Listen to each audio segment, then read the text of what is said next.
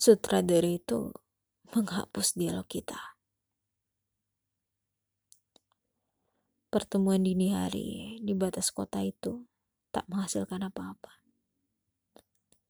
Sedikit salah kancing untuk senyap, tak terdengar nyanyi. Kita ternyata terlalu angkuh untuk tidak setia. Terlalu gagap untuk sekedar mengingat babak pertama.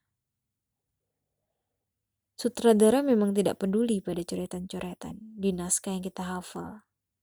Kata-kata yang dihilangkan, tanda seru yang dibisukan, dan mu yang tak juga ditulis dengan huruf kapital.